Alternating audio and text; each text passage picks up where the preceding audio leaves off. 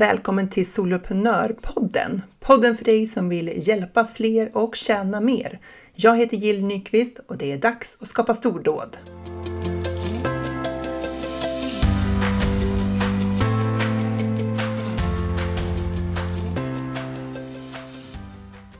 Vad krävs av dig för att driva en medlemstjänst? Och är en medlemstjänst verkligen rätt affärsmodell för dig? Och hur skulle dina intäkter kunna se ut? Eh, och hur ser arbetsprocessen ut för att du ska kunna skapa stordåd online med en medlemstjänst? Och sen soloprenörmodellen, allt du behöver för att skapa, lansera och driva en framgångsrik medlemstjänst. Och svar på några vanliga frågor jag ofta får. Allt det där hann vi med i workshopen som vi körde den 19 augusti och här kommer den till dig i ljudform. Varsågod! Sådär! Välkommen till dag två av den här workshopen, Skapa återkommande intäkter utan att behöva sälja hela tiden. Och den här workshopen, det är en fortsättning på den vi hade igår. Och temat är detsamma, det handlar om att skapa återkommande intäkter. Men eh, idag kommer vi fokusera mer på vad som krävs av dig för att driva en medlemstjänst och du ska få känna efter om det här passar dig. Igår så pratade vi om varför det aldrig har varit en bättre tid nu än att jobba online. Och det handlar ju om att vi har aldrig varit så Eh, vi har aldrig varit så vana att lära och träffas eh, online som vi är nu generellt i samhället med tanke på den, eh, det år, ett och ett halvt år vi har haft bakom oss med hemarbete och, och allt det här som har hängt med med det. Eh, vi är vana att prenumerera på saker. Det är många tjänster som vi betalar månadsvis för. Och tekniken som vi behöver för att driva medlemstjänster har aldrig varit mer tillgänglig lättillgänglig och den har nog aldrig varit billigare heller. Det krävs inte stor investeringskostnad och det krävs inte programmeringskostnader. Sen pratar vi om det viktigaste du behöver veta för att bli framgångsrik. Och då hade jag listat fyra olika saker där. Det handlar om ditt sätt att tänka och varför det var avgörande. Det handlar om att du förstår kundens behov så som kunden själv förstår det. Och din förmåga att beskriva ditt oemotståndliga erbjudande och vad det handlade om och förmåga att vara uthållig över tid. Så var du inte med och inte känner igen de här punkterna, då kan du gå tillbaka till workshopen som vi hade igår, den inspelningen, eller lyssna på poddavsnittet. Så, vad krävs av dig för att driva en medlemstjänst? Ja, vi kan ju checka in lite grann först kring så här, hur, hur är du? Är det du? Att du vill, du trivs med att hjälpa till över tid. Eh, för att när vi har en webbkurs, man kan jobba online på väldigt många olika sätt och webbkurs är ett sätt, coachning en och en ett annat sätt, man kan ställa e-böcker, det finns liksom många olika varianter. Eh, men om, eh, om, du, om du trivs med att leverera en webbkurs där du känner så att du gör ett ryck, det är en webbkurs på åtta veckor, antingen är det helt självstudier eller så är du med delvis. Och sen släpper du dina kursdeltagare där och du tycker att det är bra, att det, du trivs med det och tycker att det är skönt, ehm, då, då kanske du inte vill jobba långsiktigt och hjälpa till över tid och vara så här återkommande som man behöver vara i en medlemstjänst. För en medlemstjänst, det handlar om att eh, du får möjlighet att skapa relationer med andra, du lär känna dina medlemmar över tid. Och ju mer aktiva medlemmarna är, desto fler och mer lär du känna dem. Och några kommer vara mindre aktiva och några kommer vara mer aktiva och så vidare. Men om du trivs med att skapa relationer och, och bygga och fördjupa relationer över tid, då är medlemstjänsten för dig. Men det är inte alla som är intresserade av det. Vi kan ju vilja hjälpa andra utan att behöva hjälpa till över tid och behöva skapa relationer och sådär. Eh, om du vill göra ett långsiktigt åtagande, det är inte så att så här, startar du en medlemstjänst så måste du liksom, då är det lag på att du måste driva den minst fem år. det är inte det. Utan jag tänker på att du ska gå in i det med ansatsen om att vara långsiktig. Sen om du upptäcker efter sex månader eller ett år att det, här, det var inte för dig. Du trodde det, men det var inte det. Ja, men då kan du avsluta medlemstjänsten naturligtvis. Du är ju ägare av din medlemstjänst och du driver den och du, så länge som du vill, på det sätt du vill. Och du avslutar den när du vill naturligtvis. Men jag tänker att om du väljer att starta en medlemstjänst så ska du göra det utifrån en tanke om långsiktighet. Och sen naturligtvis typ att du vill jobba online som grund. Sen om du vill så går det att ha en medlemstjänst där man har online-träffar och sen har man också, hur ska man uttrycka det, offline-träffar. Tänkte säga in, the, in real life, IRL, men jag vet inte, det här känns också ganska mycket IRL. Eh, men alltså träffas fysiskt då. Du kan ju ha en kombination där om du vill. Så, så om du kan checka av de här punkterna, att du faktiskt vill jobba över tid, Eh, att vi skapar relationer, att du vill ehm, eh, göra ett långsiktigt åtagande gentemot dina medlemmar och göra det online, då kan ju medlemstjänst vara för dig. Känner du mer att du vill gå in och göra en kraftfull insats vid ett tillfälle och sen släppa dem där och sen börja om med en ny kull med deltagare, då kanske en webbkurs är mer för dig. Känner du att båda sakerna skulle kännas okej, okay, så finns det ingenting som hindrar att du har både en webbkurs och en medlemstjänst.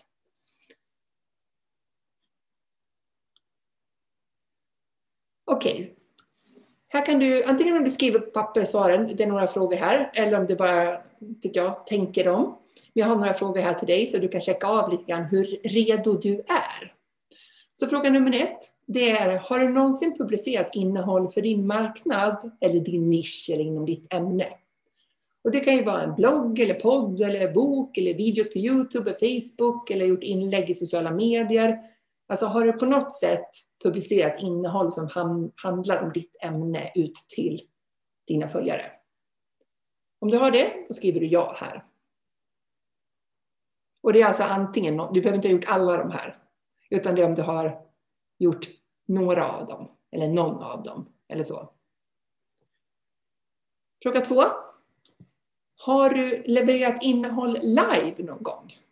Har du hållit ett webbinar, en Facebook live, en föreläsning kanske live? Det kan ju också vara en föreläsning som inte är digitalt live. Det kan ju vara en föreläsning på en scen, i lokal, så som jag gjorde förr. Du kanske har en Instagram live, någon form av workshop eh, som är med deltagare live, som en sån här som jag håller nu till exempel. Så om du har gjort något av det här, då skriver du ja, fråga två.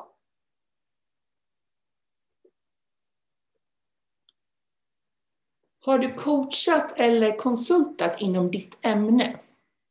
Och det kan ju vara betalt eller obetalt. Så har du coachat någon eller konsultat, alltså konsultat då tänker jag hjälpt till, fått betalt eller liksom fått en fråga som du har valt att hjälpa någon inom ditt ämne, din nisch. Så, så att det är inte så att du behöver liksom, här, känna dig som en konsult för att kunna svara på eh, ja på den här, utan mer så här, har du hjälpt till på något sätt? Hands-on eller genom coachning.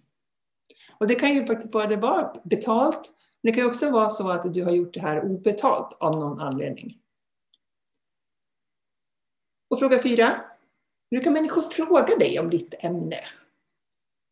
Så. Brukar de komma och liksom så här, ja men du, du som kan det här, eller du är ju så bra på det här, hur brukar du göra det? Eller hur kommer det sig att du gör det här? Eller får du frågor om ditt ämne? Då svarar jag på den här. Jag kan backa tillbaka här. Um, fyra frågor. Det är inte så att du behöver ha ja på alla de här för att du ska vara redo. Ehm, men du kanske har ja på fler än två. Du kanske har eh, tre, fyra. Skriv gärna i chatten hur många ja du fick på de här frågorna så kan vi checka in på det sen. Eh, för att eh, ju fler ja du har här, desto närmare till hands är det ju att du tar nästa steg och utvecklar ditt företag. Om det är så att du bara har ett ja eller inget, så hindrar inte det dig från att gå vidare med ditt företag. Det här är liksom inte några obligatoriska eh, saker man måste ha på plats för att sen kunna ta nästa steg, utan då är ju nästa steg att du tar de här stegen. Att du börjar publicera innehåll eller att du hjälper, coachar någon eller att du eh, ger ut någon form av värdeskapande innehåll för dina följare online. Så, så det är inte så att bara för att du inte har eh, fyra så är det liksom så kan inte du gå vidare.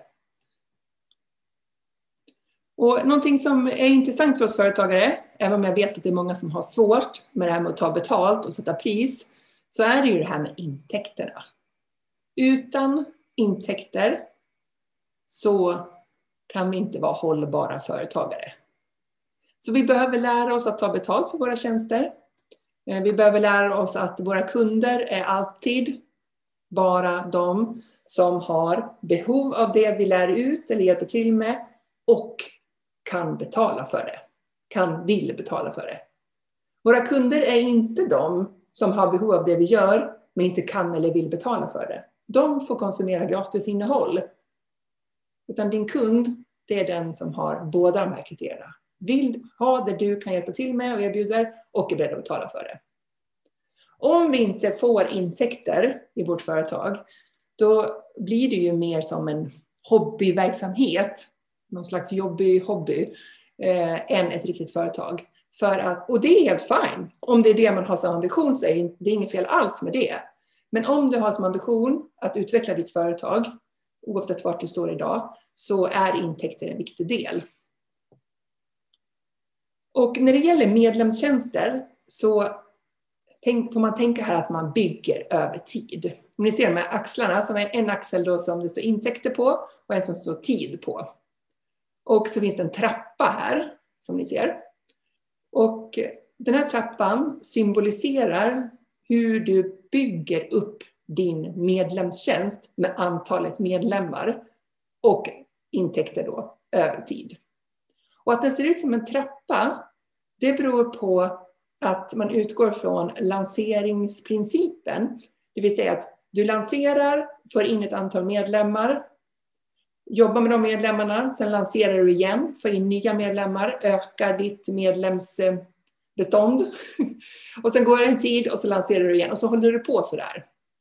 Och eh, jag tror att jag nämnde det som hastigast igår på workshopen att när det gäller prissättning för medlemstjänster så brukar man börja lägre i ett lägre prisspann än vad man sen har för avsikt att landa i. Och det är ju för att i samband med de här lanseringarna, som då är ett sånt här trappsteg i den här bilden, så har du möjlighet att öka, höja ditt pris om du vill. Ehm, på mina två medlemstjänster, där har jag egentligen bara haft två prisökningar. På den som heter Funka med ADHD-vänner, som är för föräldrar, där höjde vi från 99 till 199, så det var en fördubbling i ett slag vilket inte överhuvudtaget påverkade antalet medlemmar vi hade. vi fick inte färre medlemmar för att vi fördubblade priset där. I Soloprenörerna så öppnade jag på 599 och nu kommer det kosta 899 och det är samma pris som jag hade vid min lansering i våras. Så att du bestämmer hur du vill ha din prisbild. Jag tänker att eh, slutpriset på mitt målpris för soloprenörerna ligger runt 1500 kronor i månaden. Där tänker jag att jag kommer hamna så småningom. Men eh, jag har inte så bråttom dit, så jag kommer lansera igen nu på 899. Så här bestämmer du eh, vilken prisnivå du ska ha. Och hur brant den här trappan är, det har jag illustrerat med de här pilarna där, de här lila pilarna. För att är du eh, duktig på att hitta din marknad, att eh, presentera ditt oemotståndliga erbjudande, att marknadsföra, så kommer det här gå fortare Eh, om du har en tjänst som är, verkligen fyller ett behov som din marknad har. Eh, eller också tar det lite längre tid och då blir den här eh, trappan mindre brant. Vad blir det då? Flack. Då blir den flackare. Eh, så att det här kan se olika ut eh, över tid. Och eh, det finns inget rätt eller fel i det här utan det beror ju på hur vilken typ av marknad du har, vilken kunskap du har kring marknadsföring och försäljning och hur du har paketerat och sådär. Så många aspekter påverkar det här. Och eh, som med allting annat så blir vi ju duktigare och duktigare på att marknadsföra och sälja när vi eh, ser till att vi eh, eh, gör lanseringar och lär oss av det vi upplever och erfar under lanseringar så att vi kan göra, liksom, jobba ännu smartare till gången därpå. Och tittar vi på eh, min medlemstjänst och Funka med ADHD-vänner så fanns det en sån här graf över vår intäktsutveckling. Nu fanns det inga siffror med den här grafen så jag vet inte, men ni ser principen i alla fall. Vi startade i januari 2019, ni ser där. Eh, det var väl då vi tjänade 198 kronor på en månad. Så det var ju fantastiskt. Men eh, sen över tid då, och jag tror att det här var juni 2021, för det syntes inte riktigt heller i den här bilden. Men eh, det är så här som våra intäkter har sett ut. Och det är inte så långt ifrån en trappa. Det har gått lite upp, det har gått lite ner och så upp igen och så ner igen och upp igen. Och det som händer när det går ner, det är ju att man tappar medlemmar mellan lanseringarna. För det är klart att hur bra medlemstjänst vi än har, så kommer medlemmar att sluta. och då får vi öva på att inte ta det personligt. För i början kan det kännas som så bara nej! Och så tänker man alla kommer sluta, det är över nu. Men det är ju inte så. Nej, det är bara vår hjärna som skenar iväg med oss och tänker i katastrofscenarios. Eh, och det har det gjort för oss också. Så ni ser ju här att det gått lite upp och det gått lite ner, men på hela totalen så har det gått upp. Och eh, emellan lanseringarna, då får man jobba med, kan man jobba till exempel med en väntelista. Eh, vi lanserar inte särskilt ofta på Funka med ADHD-vänner och det beror på att vi inte har utrymme att göra det. För vi jobbar inte heltid i den medlemstjänsten. Så vi har haft mycket annat att göra, så vi har fått prioritera liksom, vissa lanseringar per år. Och då samlar vi ihop till en, en väntelista däremellan. Och sen kan man ju eh, promota en öppning bara mot väntelista. Så de som står på en väntelista kan få ett erbjudande om att gå med så här, bakom kulisserna. Det är inte öppet för alla, men det är öppet för dig som vill vara med på väntelistan. Så så kan man jobba för att täcka upp det här glappet eller tappet av medlemmar som man naturligt får mellan lanseringar. Om, eh, om det här med ekonomi då. Eh, du kan ju, man kan ju sätta pris från många olika håll. Ett håll, det är ju att du tänker så här, vilken intäkt skulle jag vilja ha per månad? Du kan ju ta, antingen så tar du ett långsiktigt mål eller så tar du det som här och nu. Och vilket önskat pris tänker du dig? Och sen tar du den här intäkten per månad och så delar du i priset och då får du ut antalet medlemmar. Så en sån här enkel liksom, beräkning kan du göra för att laborera kring din prisbild och din önskade intäkt och så vidare. Så vi säger att du eh, vill ha in 30 000 kronor i månaden och du har en medlemstjänst som kostar 299 kronor. Då behöver du ha in 100 medlemmar för att nå dit. Eh, vill du ha in 10 000 kronor i månaden, samma pris, då är det 33 medlemmar du behöver för att nå dit. Så här kan du räkna ut själv hur mycket du behöver. Och då kanske du tänker så här, ja men vadå? Eh, 10 000 kronor, det var inte mycket pengar. Nej, lanserar du en webbkurs och får in 10 000, då är det inte mycket pengar. Men det fina med medlemstjänster, det är att det är en prenumerationsmodell. Så det innebär att du varje månad får in 10 000 kronor. Eller du varje månad får in 30 000 kronor. Det är en himla skillnad. För det innebär att ditt företag kommer aldrig gå in i en månad på noll kronor i intäkter. Utan du vet, och sen kommer det liksom, det rör sig ju lite grann, men du vet att du alltid har de här 10 000 eller de här 30 000 eller de här 50 000 eller vad du har siktat på eller vad du har kommit upp i. Som kommer in varje månad. Och det är det som jag tycker gör en så otroligt stor skillnad för oss som företagare, för småföretagare. För är man anställd, då får man ju lön varje månad. Man får till och med lön de månader där man har egentligen inte gjort ett särskilt bra jobb. Man kanske har haft dåliga veckor eller liksom sådär. Men man får ändå in sin lön. Men så är det ju inte när man driver företag, utan du behöver ha in dina intäkter för att du ska kunna betala ut lön till dig själv. Och dina intäkter ska också täcka de kostnader du har och allt det där. Ja, det där vet du. Men eh, det här innebär ju att du får en grund att stå på. Och sen har du kanske andra saker du säljer i ditt företag också.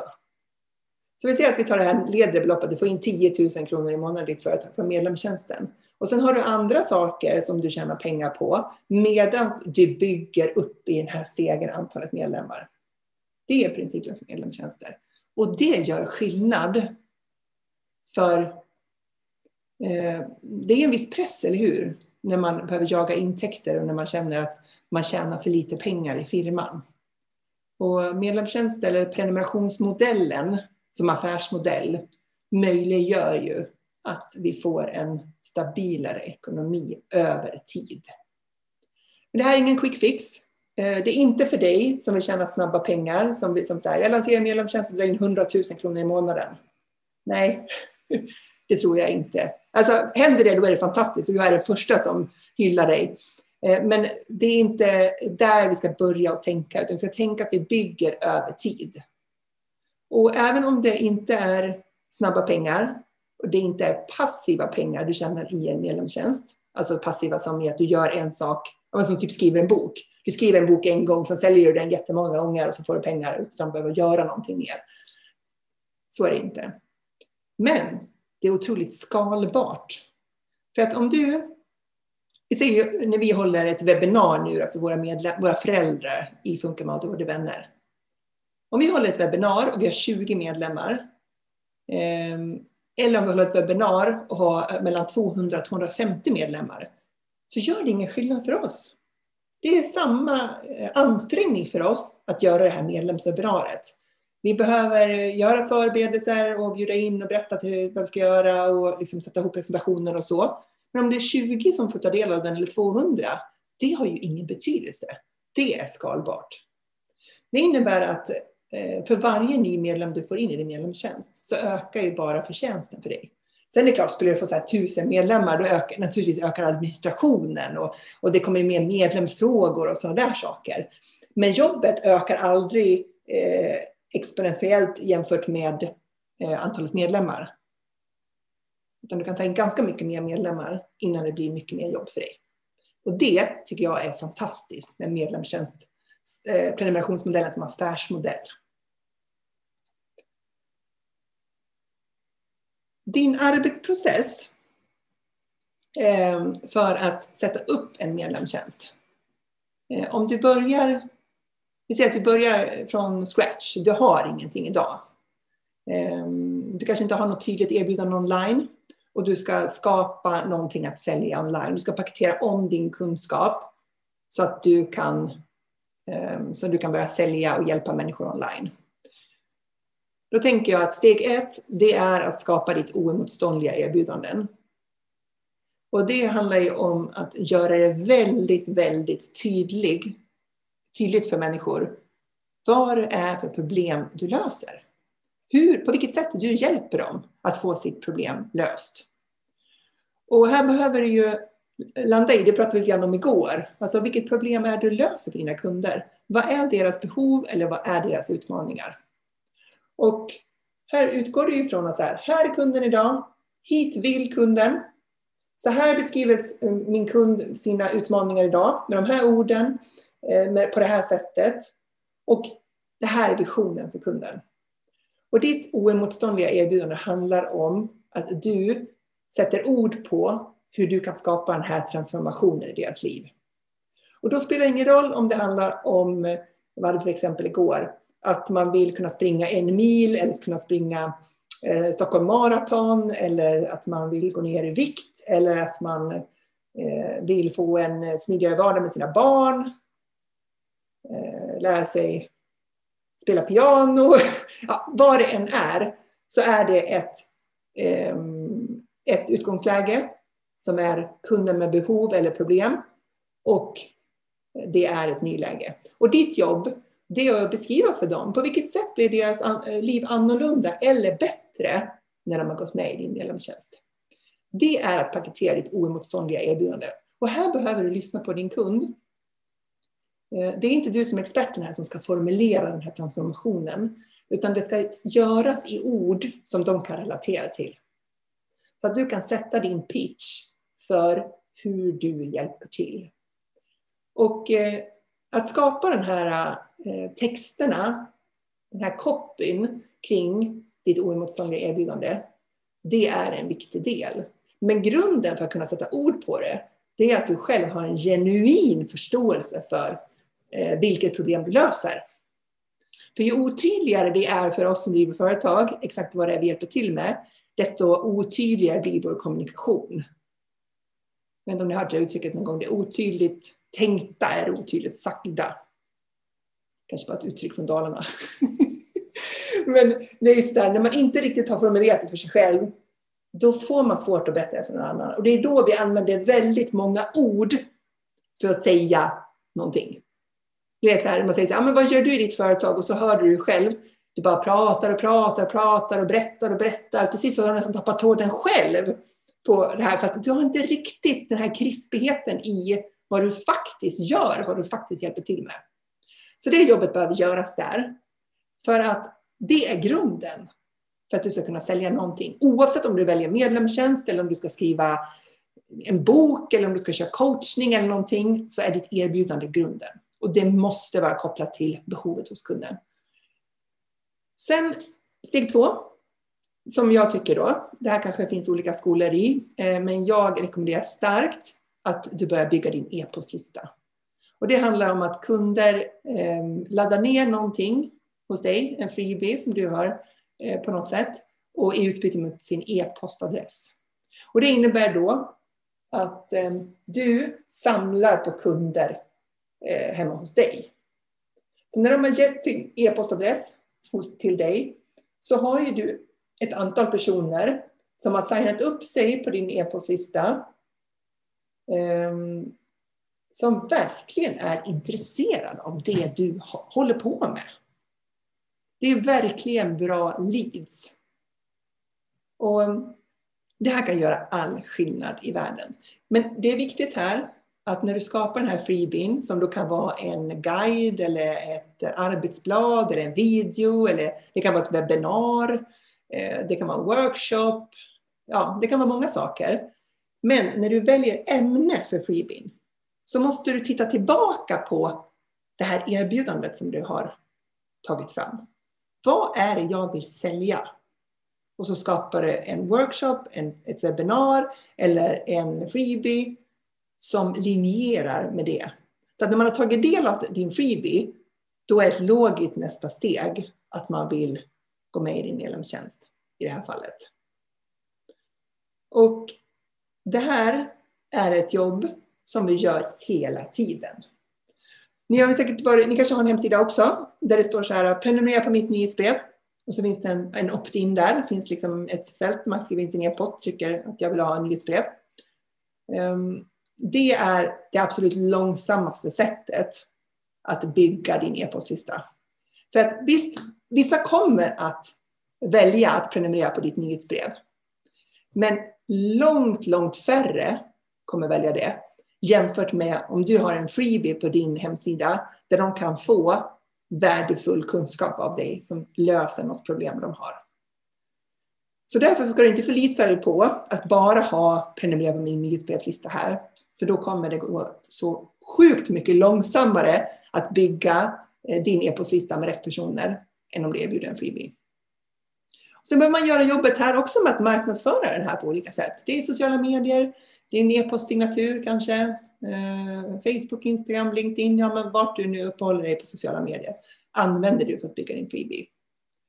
Och när du har samlat ihop människor till din e-postlista så behöver du kommunicera med dem.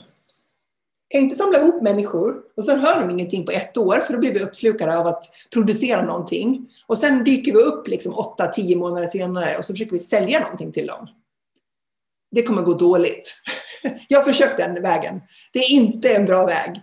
Utan det vi behöver göra det är att vi bjuder in människor till vår e-postlista genom den här freebien. Och sen har vi eh, en bra vardagskommunikation med dem. Vi mejlar dem varje vecka värdeskapande innehåll. Och då och då så säljer vi till den där listan. Men grunden är ju att de får någon typ av värde genom att de finns med på min på sista. Det är en väldigt viktig del av den kommande försäljningsprocessen. Steg tre, när du har skapat ditt oemotståndliga erbjudande, du har börjat bygga din e-postlista, då är det dags att skapa din medlemstjänst. Och då använder du din förståelse Eh, som du har som skapat dig kring din målgrupp från när du skapade ditt oemotståndliga erbjudande. Då använder du den kunskapen när du sätter upp strukturen i din medlemstjänst. Vad är problemen? Vad är nuläget? Vad är det önskade läget? Vad är målet? Och så identifierar du vilka fokusområden som dina medlemmar behöver jobba med för att ta sig mot det här målet. Och vilka fokusområden som du har, det är ju du som är expert på ditt område.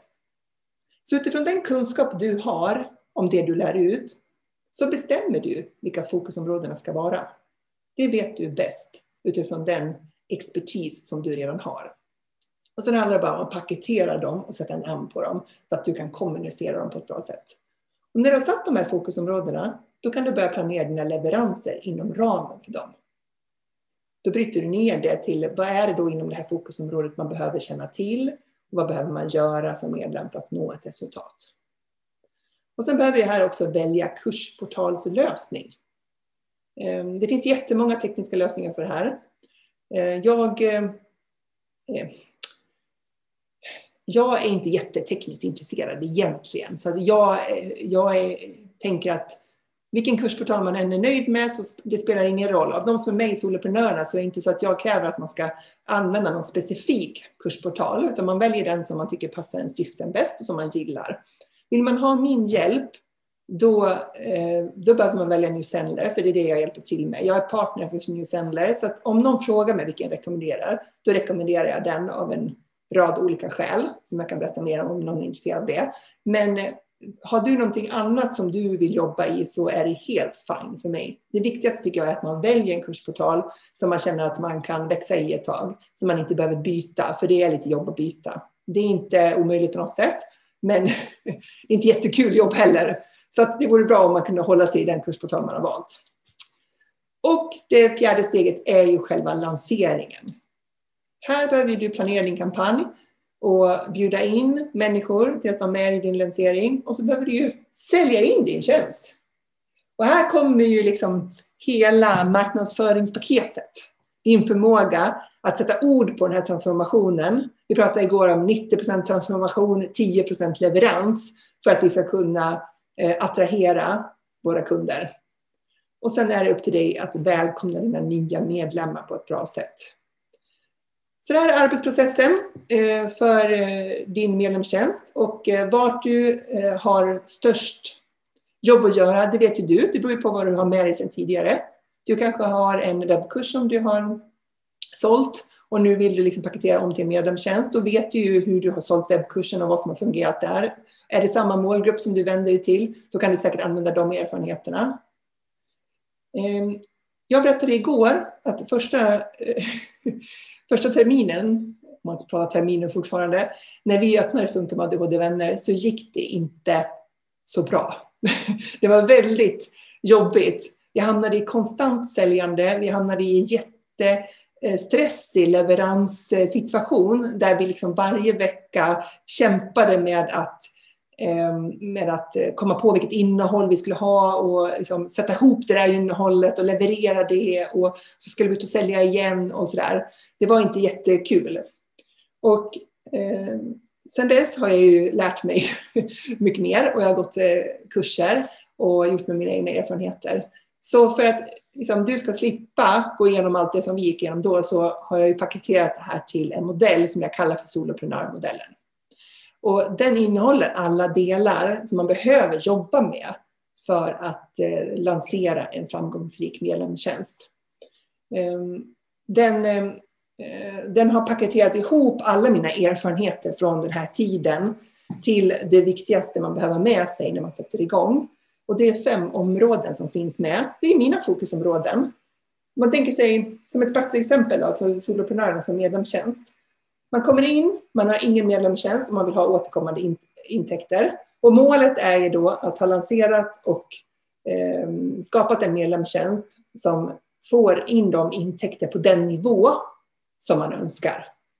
Så här ingen medlemstjänst, här återkommande intäkter via sin medlemstjänst på den nivå man har önskat. Det är vad kan man säga, nuläget och det önskade läget i soloprenörerna. Och då har jag identifierat de här fokusområdena som man behöver utvecklas inom för att man ska nå framgång i det. Då. Och det är mindset. Att eh, man lär sig hantera sina egna tankar. Det är en stor del av det här. För att driva företag, det är ingen dans på rosor alla gånger och vi blir lätt osäkra i vårt arbete. Eh, och vi börjar tvivla på oss själva och vår egen förmåga och om vi någonsin kommer få det att funka. Och ja, ni vet, det är väldigt mycket tankar kring det. Så att, att lära sig hantera sig själv i det där är jätteviktigt. Att lära sig hantera motgångar. Och jag sa att det blev kvar, sätt din pitch ska inte vara med här. Det andra är att skapa. Och det handlar om att välja teknisk lösning och sätta strukturen för medlemstjänsten och sätta upp själva kursportalen.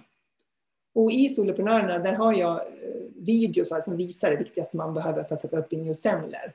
Men har du någonting annat så gör du det. Men du måste ändå ha strukturen i medlemstjänsten. Och strukturen, det är de här fokusområdena som du har identifierat. Fokusområdena som tar dem från nuläge till nyläge. Tredje delen i modellen är attrahera. Det handlar om att attrahera de människor som du vill jobba med. De människor som behöver din hjälp och som du vill hjälpa. Och att du blir tillräckligt tydlig i det så att du kan bygga din e-postlista med rätt personer. För här är verkligen kvalitet bättre än kvantitet. Och med kvalitet i det här sammanhanget handlar det om att på din e-postlista så finns det människor som verkligen är intresserade av det området som du jobbar inom. Eh, I det här pratar vi också om hur du når ut i bruset. Det kan ju vara så att du har många som gör samma sak som du.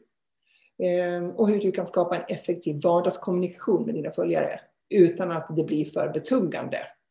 Så det är viktiga områden inom den här delen, eh, attrahera. Den tredje handlar om konvertera. Det är att ta dina, eh, ja, dina följare till att köpa och bli betalande medlemmar. Så att de går från att de följer dig, tar del av värdeskapande information de får av dig, till att de blir betalande medlemmar.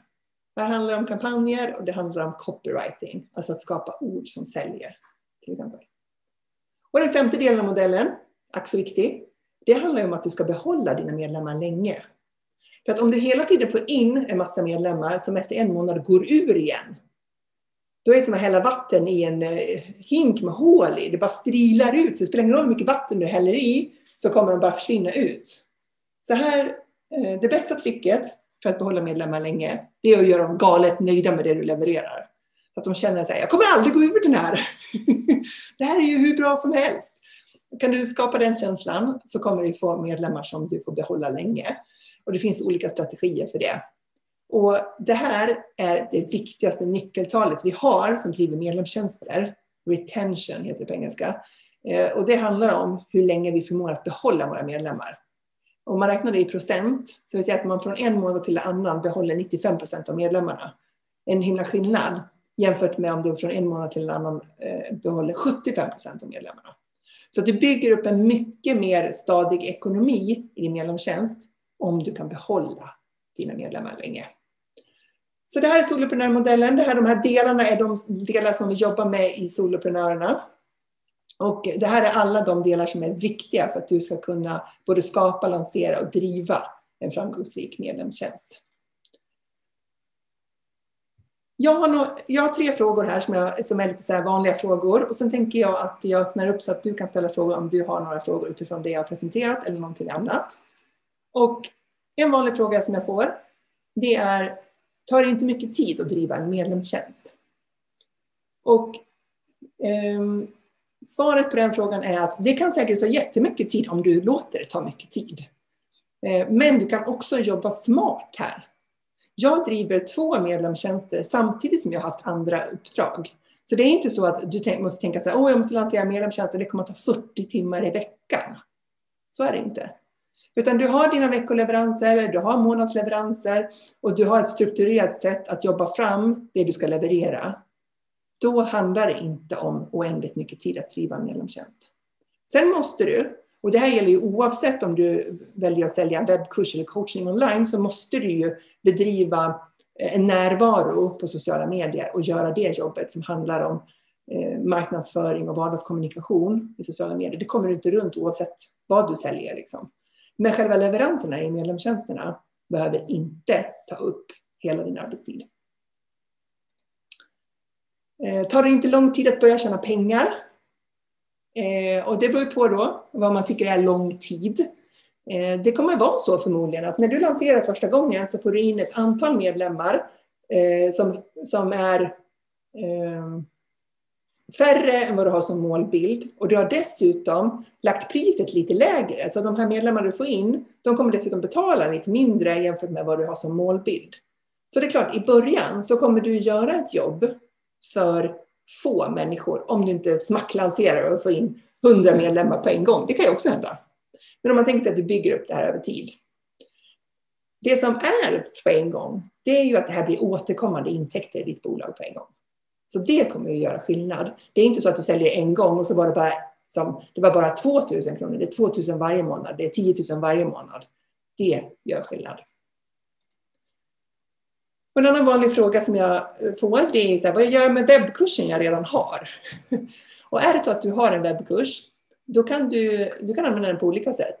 Du kan välja att ha den kvar och sälja den som en webbkurs och sen har du en medlemstjänst eh, bredvid den du kan använda, eh, du kan promota webbkursen och sen erbjuda de som har gått webbkursen en fortsättning i din medlemstjänst.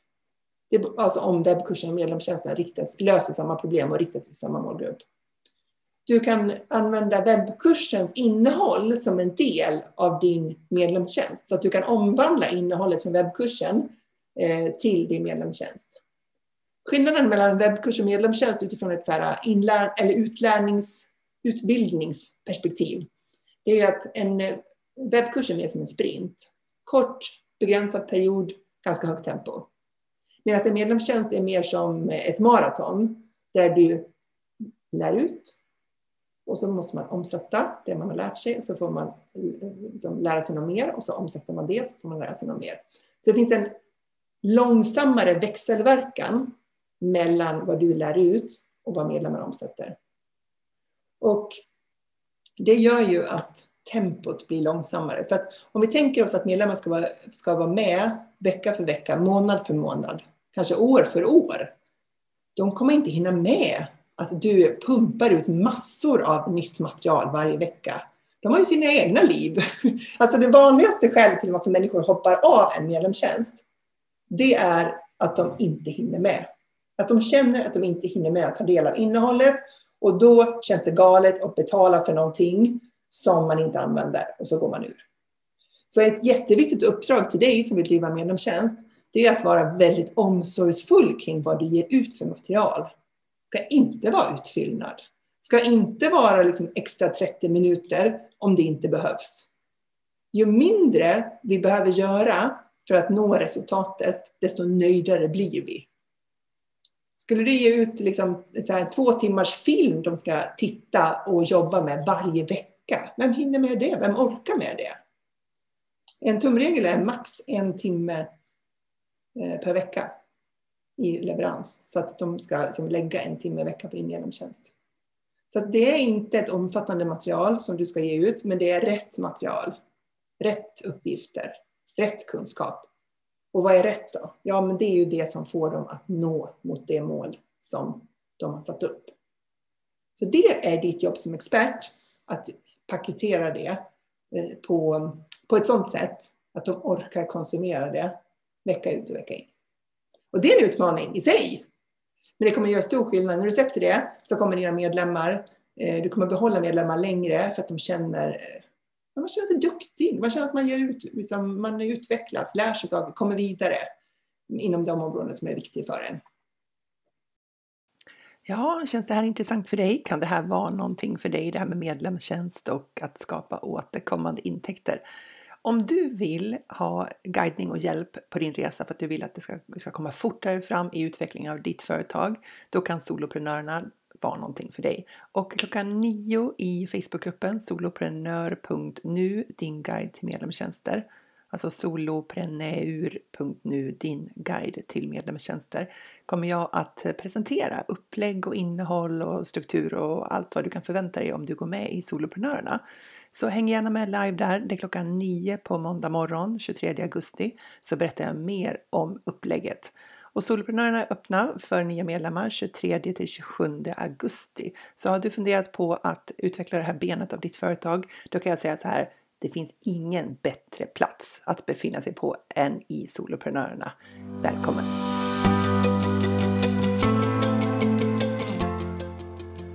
Du gillar Soloprenörpodden, då kommer du älska min medlemstjänst Soloprenörerna.